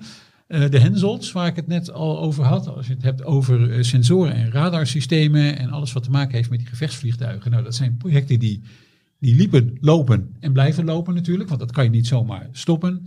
En als je bijvoorbeeld kijkt naar een, een ander heel interessant aandeel uit die sector, BAE Systems uit het Verenigd Koninkrijk, eh, die zien steeds groter belang in eh, wapenleveranties, eigenlijk in het kader van die samenwerking tussen het Verenigd Koninkrijk, Australië en de Verenigde Staten.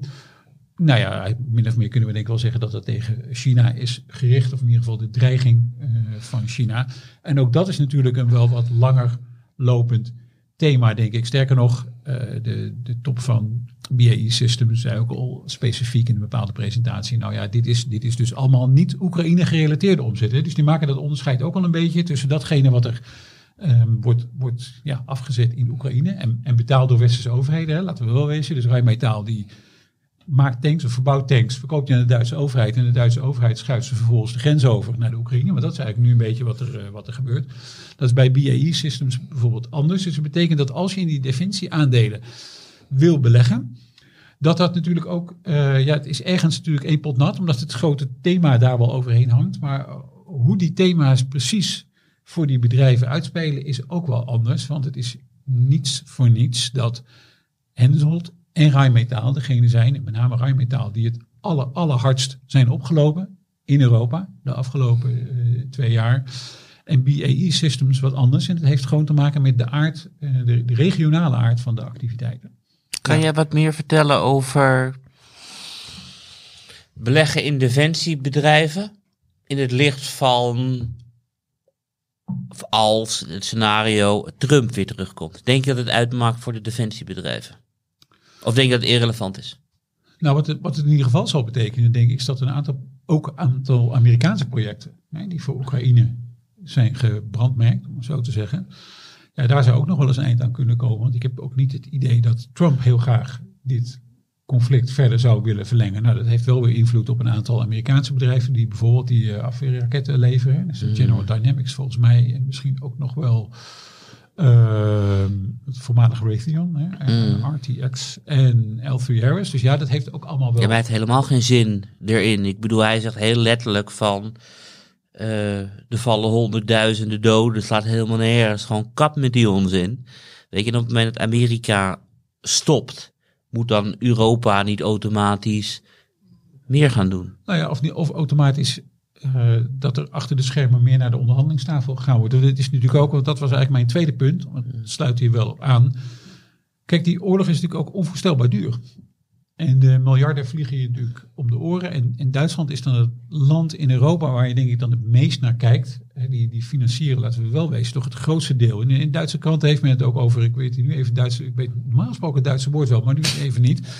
Maar een, wat men een, een proxy war noemt in het Engels. Hè? Dus het is bijna alsof Duitsland in oorlog is met Rusland. Alleen dat doet middels Oekraïne. Hè? Omdat eh, Duitsland dat materiaal levert. Oekraïners vechten en Duitsland financiert dat eigenlijk. En dat zie je ook allemaal in die, in die orders. Uh, Rijnmetaal heeft al die presentaties. Iedereen die, die erin geïnteresseerd is, kan gewoon naar de website van Rijnmetaal gaan. Kijk maar eens naar de meest recente presentaties. Dan zie je waar die orders vandaan komen. Hoeveel Rijnmetaal men niet van de Duitse overheid verwacht. Maar die Duitse overheid, die heeft het ook niet zo makkelijk. Um, want die hebben natuurlijk te maken gehad met een uitspraak van, en dit Duitse woord weet ik wel, omdat ik dat al heel lang weet, van het Bundesverfassungsgericht. Uh, en die hebben natuurlijk gezegd, ja, luister, die, die 60 miljard, hè, uh, die jullie ooit hadden uh, uit willen geven, in het kader van corona, ja, dat mag niet. Hè? Dus die kunnen jullie niet zomaar doorschuiven naar een klimaatfonds. En toen werd men in Duitsland helemaal een beetje nerveus. Want er zijn ook allerlei andere fondsen die ook een bepaalde um, uh, bestemming hebben. Waarvan men vreest dat dat Bundesverfassungsgericht ook denkt... ja, um, dat is eigenlijk helemaal niet wat wij willen. Dus in Duitsland begint nu ook her en der de vraag wat te komen... van hoeveel kunnen wij eigenlijk nog financieren? Want door deze uitspraak dreigen er allemaal... Er zit natuurlijk sowieso een gat van die, van die 60 miljard... Want die mag niet elders worden ingezet, dus dat is al klaar. Maar ook het zogenaamde Wirtschaftsstabiliseringsfonds, Duitsers houden van hele lange woorden, uh, dat is ook al een beetje in gevaar. Um, en allerlei andere uitgaven zijn ook al stopgezet. Dus alles wat nu opnieuw in gang gezet moet worden door het Duitse ministerie van Financiën, daar heeft de staatssecretaris van gezegd, nou alle nieuwe dingen moeten we voorlopig maar eens even stoppen. En dat loopt allemaal door en door, want het heeft misschien ook nog wel betrekking op uh, deze, deze moeilijke situatie op de subsidies die bijvoorbeeld verleend worden, dan komen we weer terug op Karel punt van de friendshoring, denk ik, aan halfgeleiderproducenten, zoals bijvoorbeeld een Intel, die misschien in Duitsland een hele grote fabriek willen zetten en ooit gelokt werden met um, hele interessante subsidies van de Duitse overheid. Nou, dat, dat, dat hele politieke spel wordt nog denk ik wel heel erg lastig, want je kunt natuurlijk wel willen friendshoren en oorlog willen voeren, maar uiteindelijk moet het wel opgebracht worden. En, en dat is wel een, een hele lastige vraag, uh, hoe, hoe je dat opbrengt. En dat hebben we natuurlijk al eerder gedaan. We hebben eerder helaas wereldoorlog gevoerd en toen ook gezien wat er met staatsschulden is gebeurd. Dus die kunnen uh, heel erg omhoog vliegen. De vraag alleen is of dat vanaf deze niveaus die we nu al hebben uh, ook nog verder kan. En dan moet er in Duitsland moet er ook echt wat veranderd worden. En dan komen we ook weer terug bij een punt dat Karel eerder maakte. Ja, hoe zit dat politiek dan? We hebben het natuurlijk in Nederland over uh, wat er na de verkiezingen is gebeurd. En wat er misschien in de uh, VS gebeurt in november bij de presidentsverkiezingen. Maar in Duitsland hebben we natuurlijk een coalitie van sociaaldemocraten, van liberalen en van groenen. Die dus nu met z'n drie, die, denken natuurlijk heel erg anders over al dit soort zaken. En die, hebben, die bevinden zich met z'n drieën nu in een situatie waarin ze links en rechts gaten in de begroting zien ontstaan. En dan moet er dus wat gebeuren. De belasting omhoog, de uitgaven omlaag, of beide. Uh, maar daar moet natuurlijk ook nog wel her en der wat gebeuren. Dus ik zelf als aandeelhouder in dit soort bedrijven kijk hier wel serieus naar hoeveel van die programma's zijn in, in werking gezet en kunnen we daadwerkelijk volhouden op de manier zoals, zoals eigenlijk nu door die bedrijven in hun presentaties worden genoemd. Kunnen we, kan je daar inderdaad nog van uitgaan? Of moet je die situatie een beetje in de gaten houden hoe dat verder loopt? En ik ben zelf heel erg voor dat laatste. laatste vraag. Ehm, ik weet dat dingen veranderen naarmate de tijd vordert. Maar toen jij je positie opende in Rijnmetaal schreef je geloof ik, of je hebt het gezegd in onze podcast, dat defensie een thema is voor de komende zeven jaar. Hoe kijk je er nu tegenaan? Ja, dat blijft nog wel, uh, dat blijft nog wel gelijk. Maar de, er zijn een paar dingen natuurlijk tussendoor gefietst. Ook nog uh, de coronacrisis en de energiecrisis. Uh, die hebben zo'n aanslag gepleegd op de staatsfinanciën.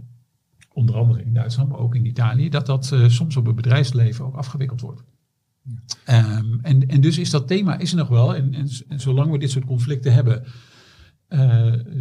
zal dat thema ook wel blijven de vraag een beetje is op een gegeven moment, welke van die defensieaandelen is daar dan het meest geschikt voor? En op een gegeven moment komt er misschien wel een moment dat een, een tragere groeier nu, zoals BAE Systems, misschien interessanter wordt door de aard van de. En die heb jij op dit moment niet. Nog niet in portefeuille. No, nu nog niet. Nog niet, zeg je echt heel duidelijk. Ja, ja maar, maar dat zeg ik al een tijdje tegen mezelf. Ja, I know, maar ik, wil, ik vraag graag door. En is het, is het een aanvulling? Of denk je er ook een kans zit dat je Henselt en of Rijnmetaal omwisselt voor de Britten? Uh, ja, daar denk ik nog wel een beetje over na nu. Kijk, de, uh, als, als Rijnmetaal zijn verwachtingen waar zou kunnen maken, die ze nu in die Capital Markets Day hebben aangegeven, ja, dan ga je daar, ja, nogmaals, klinkt een beetje wrang. En uh, excuses voor iedereen die hier een beetje moeite mee heeft met hoe, hoe, hoe defensieuitgaven te rijmen zijn met winsten voor beleggers. Maar als, als, als dit doorgaat bij Rijnmetaal, dan gaan die onvoorstelbaar veel geld verdienen. Uh, en dat is al, ik heb zelf al een rekenmodel voor uh, ruim metaal, wat ik altijd een beetje bijhoud. Uh, als ik iedere keer als er nieuwe verwachtingen zijn, die voer ik weer in. Ja, dat ziet er nu ziet dat er fantastisch uit. Maar ik hou dat wel in de gaten. En dan denk ik dat, het, dat er voor mij wel een moment komt. Zeggen, nou, als die groei wat, wat afvlakt of de verwachtingen voor ruim metaal worden wat anders, nou, dan zal ik dat ook melden. En uiteraard schrijf je dan een groot artikel in het Zeker. tijdschrift Beleggersbelangen. Dus neem een abonnement, luisteraars. Ja. En de, de verkiezingen, landelijke verkiezingen in Duitsland, zijn die ook volgend jaar of is dat pas over twee jaar? Want dat is natuurlijk in dit verhaal ook wel relevant. Met, ja, zijn uh, volgens mij pas over, ja zeker pas over twee jaar. Ja. Maar en, uh, ja, dat zou natuurlijk op zich ook al enige spanning teweeg kunnen brengen. Maar wat ik net al zei, hoe je met z'n drieën, partijen die ideologisch gezien nogal van elkaar verschillen, Um, maar ja, tot elkaar veroordeeld zijn hè, door, doordat de CDU niet meedeed. Het deed een beetje denken aan Paars bij ons. Hè? Dus dat, uh, dat de traditionele partij die doet dan even niet mee en die drie anderen gaan dan verder. En ja, zoals het altijd is, als er geld genoeg is, is er natuurlijk niks aan de hand. En als je fondsen op kan starten, ik bedoel, Duitsland is, natuurlijk, hè, financieel staat bekend als heel erg solide, heel erg netjes, maar hebben er toch ook wel een handje van om af en toe nog wat, maar buiten de begroting te houden. En dan hebben we het er ook echt over serieuze bedragen. En die, die 60 miljard was eigenlijk een beetje een buiten de begroting bedrag, wat er daarna weer ingesleurd is. Waar nu door een uh, constitutioneel hof dus gewoon een streep door is gezet. En, en betekent dat die drie, uh, die drie partijen, die moeten nu een, tot een oplossing gaan komen. En, en, er zijn al teleurstellingen geweest bij de Groenen, volgens mij over die invoering van de uh, warmtepompen in Duitsland. In welk tempo dat uitgerold zou moeten worden. En die, die zitten natuurlijk ook niet te wachten op nog heel veel tegenslagen. Nee, nee. nee, ik moest even lachen bij het woord warmtepompen, omdat het ook weer raakt aan uh, het uh, volgende hoofdonderwerp. Althans, een van de dingetjes daar. Dank jullie wel voor uh, de afronding van dit hoofdonderwerp. Voorkennis. Ja, want het vierde en laatste hoofdonderwerp, dat betreft de, de hypes voor 2024 en de, de non-hypes. En wat we daarmee bedoelen is de hypes die niet meer uh, zijn. Die dit jaar al niet meer zijn, maar wellicht volgend jaar ook niet. En uh, nou, daar hebben Stefan en Karel allebei over nagedacht. En ik wilde eerst aan jou vragen, Karel, of jij daarvan een paar kan benoemen. Nou ja, de belangrijkste is dat ik sinds, is het, een jaar of drie weer in bitcoin aan het beleggen ben. Sinds kort. Ja, heel, Ja. heel kort, eh, heel recent eh, ben ik daar een positie aan het opbouwen. En de hoofdreden daarvoor is dat we waarschijnlijk in eh, april 24 de beloning voor het minen van een bitcoin, eh, voor het mining van een bitcoin blok gaat halveren. Dus op het moment dat je, kijk, bitcoins, je gaat een transactie doen, je verzamelt de transacties en elke 10 minuten wordt de transactie als groep eh, verwerkt. En het is een, een puzzeltje. En op het moment dat je als computer los je die puzzel op als eerder, dan krijg je een beloning daarvoor. En die beloning is nu 6 1 vierde bitcoin. En die gaat straks in april eh, 24 naar 3 eh 1 achtste bitcoin. En dat betekent dus dat het eh, een afname zal zijn van het eh, aanbod van nieuwe bitcoins. Is al vier keer eerder gebeurd. 2009, 12, 16 en eh 2020. En het was elke keer eh, dat de bitcoin eh, echt hard omhoog vloog. Ja, even voor mijn eh, begrip. Eh, echt een hele domme vraag, weet ik zeker. Zeker voor de Bitcoin-kenners. maar wie bepaalt dat dan? eh, dat eh, ja, die eh, prijs eh, verandert? De prijs. Ja, nee, ik bedoel de, eh, de, de kosten. Oh, de Ja, beloning. Ja, ja. Oh, dat nee, dus vooraf is dat eh, geprogrammeerd. Oh, dus dat het is, is, eh, gewoon een algoritme, een wiskundige som. ja. In eh 2009 eh, gelanceerd, inclusief eh, een whitepaper, hoe dat tot 2100 nog wat door zal gaan. En dan hebben we 21 miljoen bitcoins in de wereld. Ja, dus dit is. eh, eh, eh, nou, hier, hier was voorkennis over mogelijk, maar ja, jij denkt dat nog niet iedereen dat in de gaten heeft en dat die prijs dus eh, komende tijd, eh, komend jaar, eh, ja, omhoog zal vliegen? Eh, ja, kijk, en to- toevalligerwijs zijn de laatste keren vond het ook allemaal plaats eh, met enorme stimuleringsacties van de Fed. Dus in 2009 hadden we natuurlijk, ging het heel erg hard, had je eh QE die lekker bezig was. In 2012 en 13 waren hele goede jaren.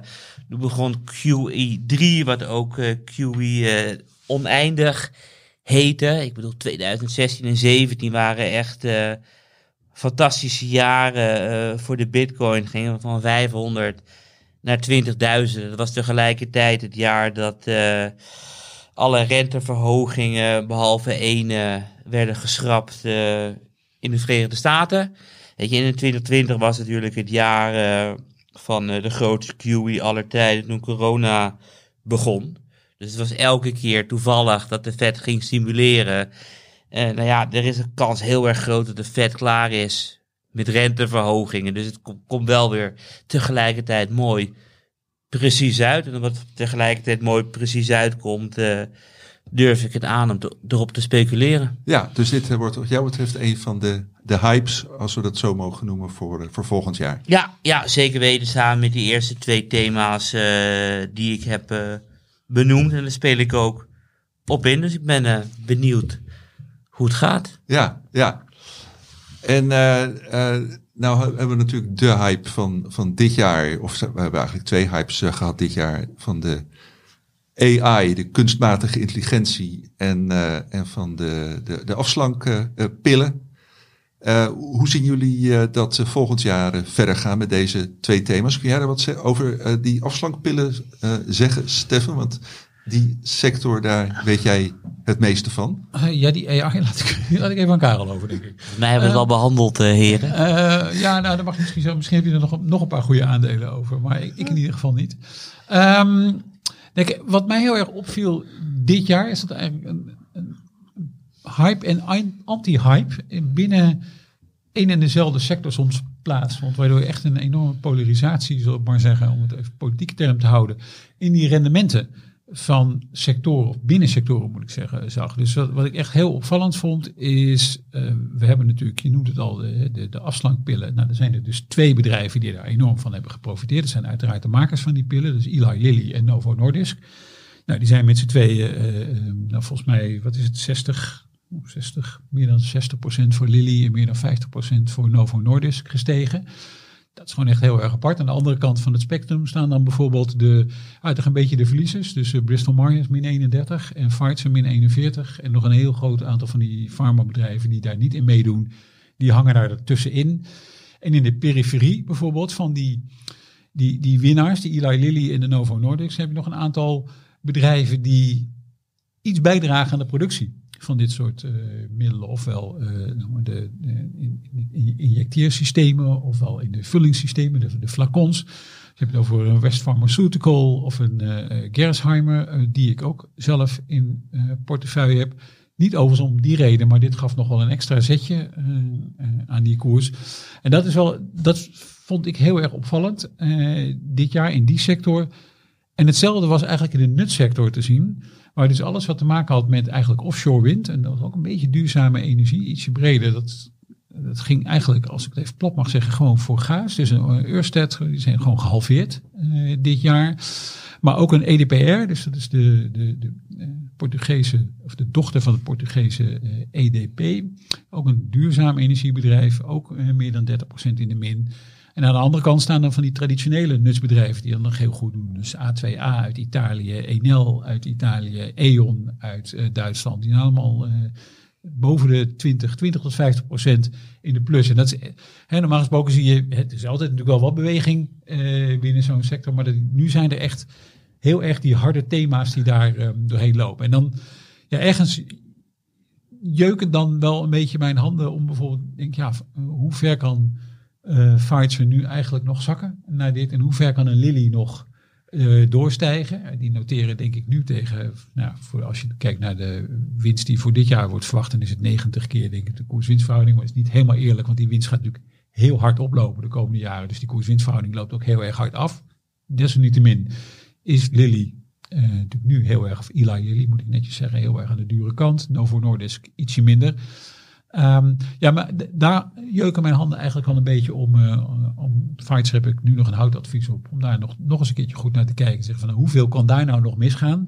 Want een aantal van die, zeg maar zeggen, van die coronawinnaars, die hebben natuurlijk geleden het afgelopen jaar. Die hebben echt geleden. En dan heb ik het over Fights, maar ook over de Moderna's. Maar ook over bedrijven die bijvoorbeeld die testen hebben gemaakt. Um, zelfs een Thermo Fisher, die op zich niet eens ongelooflijk veel verdient aan. Uh, die, uh, die heeft hele grote klappen gehad dit jaar.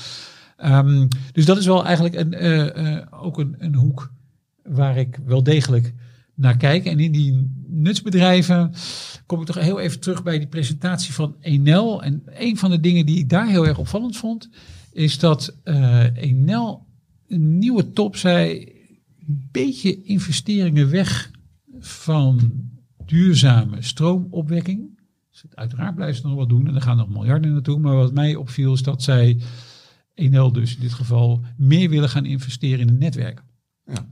En dus het zijn wel, die thema's blijven wel bestaan. Die, die, die, die vraag naar duurzame energie, die is natuurlijk nog steeds, de politieke doelstellingen uh, zijn er ook nog steeds. Uh, misschien zelfs ook nog wel in Nederland en misschien ook nog wel in het Nederland, uh, waarin de PVV de grootste partij hoort. Uiteindelijk ja, hebben we... 50% van de regelgeving komt uit Brussel. Ja, we hebben toch ook internationale afspraken waar we ons aan moeten houden. Dus een aantal van die zwaar afgestrafte bedrijven, um, daar, daar kijk ik nu naar. En bedrijven die dus misschien niet direct van profiteren in de zin van dat je ze er direct mee associeert. Dus Ørsted, dat Deense nutsbedrijf, dat associeer je direct met offshore windenergie. Maar er zijn nog andere partijen die natuurlijk uiteindelijk ook die opgewekte energie moeten gaan vervoeren. Bijvoorbeeld een, E.ON heeft een gigantisch netwerk. Enel bouwt het ook heel erg uit. En dat zijn partijen die daar dus wel degelijk uh, steeds meer geld aan kunnen verdienen. En een Gerresheimer en een West Pharmaceutical, die het overigens uh, dit jaar allebei al heel erg goed hebben gedaan. Dat zijn weer partijen die van die aanhoudende trend kunnen profiteren van die um, obesitasmedicijn. Ja, want dat is uh, vaak zo. Hè? De hype van het ene jaar is uh, de, de loser van het andere jaar. En andersom, uh, andersom ook. Ja, nou, er zijn misschien Terwijl wel wat... trends natuurlijk niet draaien op Zeker. 31 december. Nee, we, dat, we doen natuurlijk wel altijd zo van dat dat gebeurt natuurlijk. Want we snijden wat af en we beginnen ja, met dan, een dan kun je een leuke titel voor een, uh, een podcast bedenken, namelijk Outlook 2024. Maar inderdaad. en, en verder. Dus en verder. En verder. Ja, ja. Nee, kijk, er zijn natuurlijk wel een aantal. Uh, hij heeft helemaal gelijk. En dat was volgens mij ook wel een van de punten die ik in de voorbespreking. Ja, ja graag die punten, Steven. uh, bij deze dan. En, en bedankt daarvoor. Um, Good artist copy, great artist steal, zei Picasso. Dat is, nou, dan geef je zelf ook nog een topcompliment. Helemaal goed bezig nu natuurlijk. Ehm, nee, kijk, de, eh, het is natuurlijk inderdaad zo dat die, eh, dat die trends niet zomaar eh, draaien. En er is ook wel degelijk wat veranderd natuurlijk in die wereld van die offshore windindustrie. En dat zie je ook wel in die afschrijving die Ørsted heeft moeten doen. Of je het nou hebt over rentekosten, materiaalkosten. Maar ook, en dan komen we weer terug op die begrotingen van de overheden. Maar ook natuurlijk de afspraken die je maakt met de prijzen die dan in rekening worden gebracht. De stroomprijzen hè, voor de eh, stroom die wordt opgewekt met bijvoorbeeld zo'n offshore windpark. Want ehm, een aantal partijen heeft ook gewoon tegen overheden gezegd, eh, zowel in het Verenigd Koninkrijk als nu in de VS. En die stroomprijzen zijn niet, voor ons niet hoog genoeg eh, om al die investeringen te rechtvaardigen die eh, dat project met zich meebrengt. Dus daar moet dan ook nog weer iets aan gebeuren.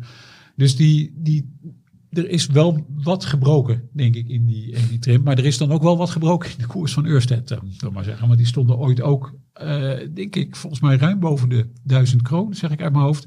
Nou, daar zijn ze nu niet echt meer in de buurt. En ik denk dat ze nu zo rond de 270 eh, staan. Dus daar is ook wel echt heel veel vanaf. En je ziet bijvoorbeeld ook zelfs een bedrijf als RWE. En dat is echt een topbedrijf in die sector. Maar wordt ook erg geassocieerd met ehm, eh, offshore en onshore windenergieprojecten. staat dit jaar ook 8% in de min. En die verdienen geld als water. Daar komt het echt met bakken en bakken en bakken binnen. Die zijn na negen maanden hebben die hun jaarprognose al helemaal binnen.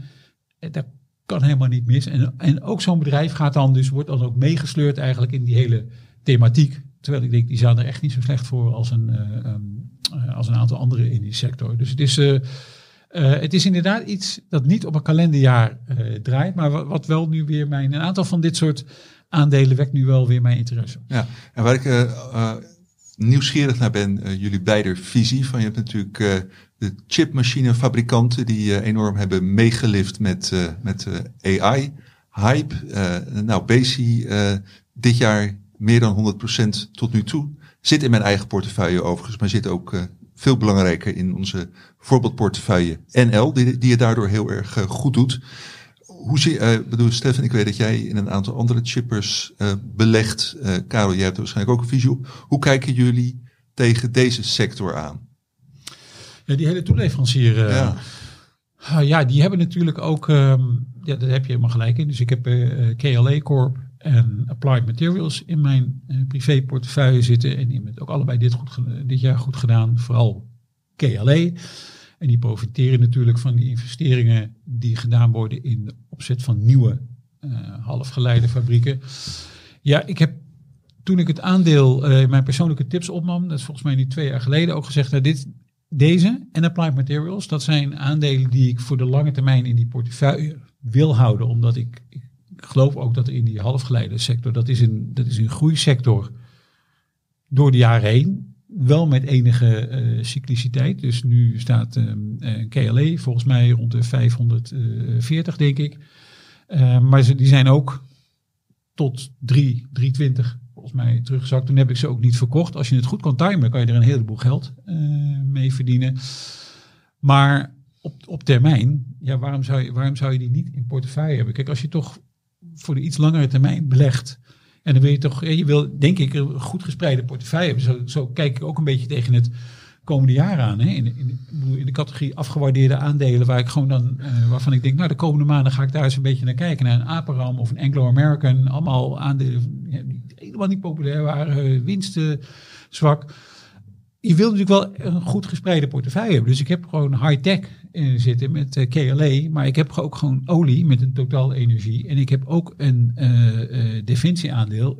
ook een farmaceut en ook een nutsaandeel. Dus je probeert ook wel een portefeuille op te bouwen. En als je die opbouwt voor meerdere jaren. Ja, waarom zou je dit soort bedrijven dan niet in portefeuille nemen? Maar je moet natuurlijk wel rekening mee houden. Ja, dat, die hebben een fantastisch jaar achter de rug. En het is echt niet zo dat een KLA Corp ieder jaar met 40% stijgt. Dat gaat natuurlijk niet gebeuren. Nee. Goed, eh, wi- willen jullie nog een andere hype noemen of gaan we langzaam richting eh, afronding van deze podcast? Nou, volgens mij zijn we anderhalf uur bezig, toch? Want jij hebt de tijd, Johan. Eh, ja, Ja.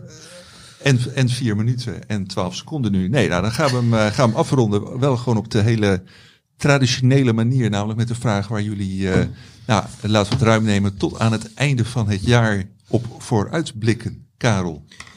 Nou ja, oorspronkelijk was tussen 26 november en 30 november een OPEC-vergadering gepland. Uh, hoofdagendapunt was de productiebeperkingen, of de productie nog verder beperken. Toen lekte uit uh, dat er ruzie was in de OPEC en dat ze de vergadering uh, zouden delayen. Tot wanneer, geen idee. En de olieprijs uh, daalde daarop best wel hard. Want als er oneenigheid is over de productiebeperkingen, misschien gaan ze wel weer lekker vol produceren. En het zou slecht zijn voor de olieprijs. Dus ik ben heel nieuwsgierig van wat er nou aan de hand is bij de OPEC. Zo vaak uh, vergaderen die jongens niet. De afgelopen keer was het elke keer vuurwerk met de productie flink beperken. En nu is er oneenigheid. Ik ben heel nieuwsgierig hoe dat afloopt. Oké, helder. Stefan? Nou, voor mij blijft het onderwerp wat ik al eerder besprak heel erg van belang. Dus hoe gaat Duitsland zijn begrotingsissues aanpakken en wat voor gevolgen heeft dat voor allerlei verschillende sectoren en ook voor allerlei uh, Europese afspraken misschien. Dat vind ik wel heel erg belangrijk. En op bedrijfsniveau ben ik nog steeds heel erg benieuwd. En ik heb eigenlijk geen idee wanneer ze komen. Zij, ja, zij zullen het zelf wel weten, vermoed ik, maar uh, dat wordt nog niet gezegd. Uh, Pfizer doet natuurlijk ook onderzoek naar uh, een obesitasmedicijn van zichzelf.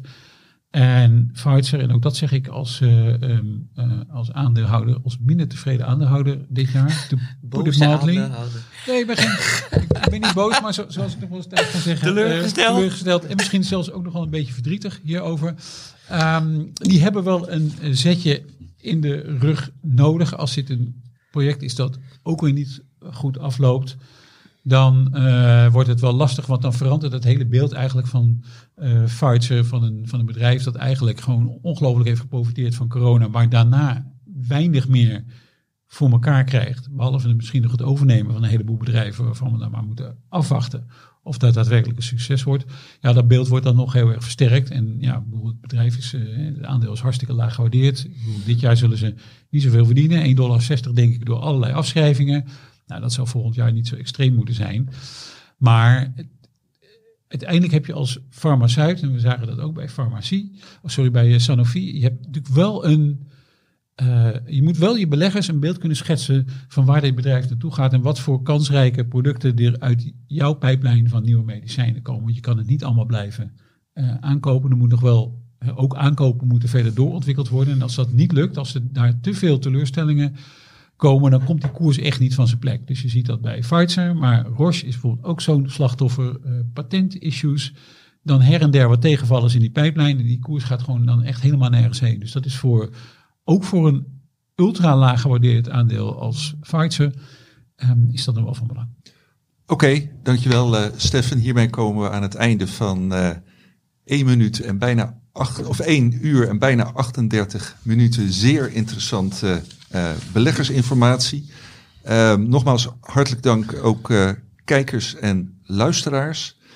Uh, volgende week zit ik hier, nee, zit ik hier niet. Volgende week zit mijn collega Marnix Kwee hier.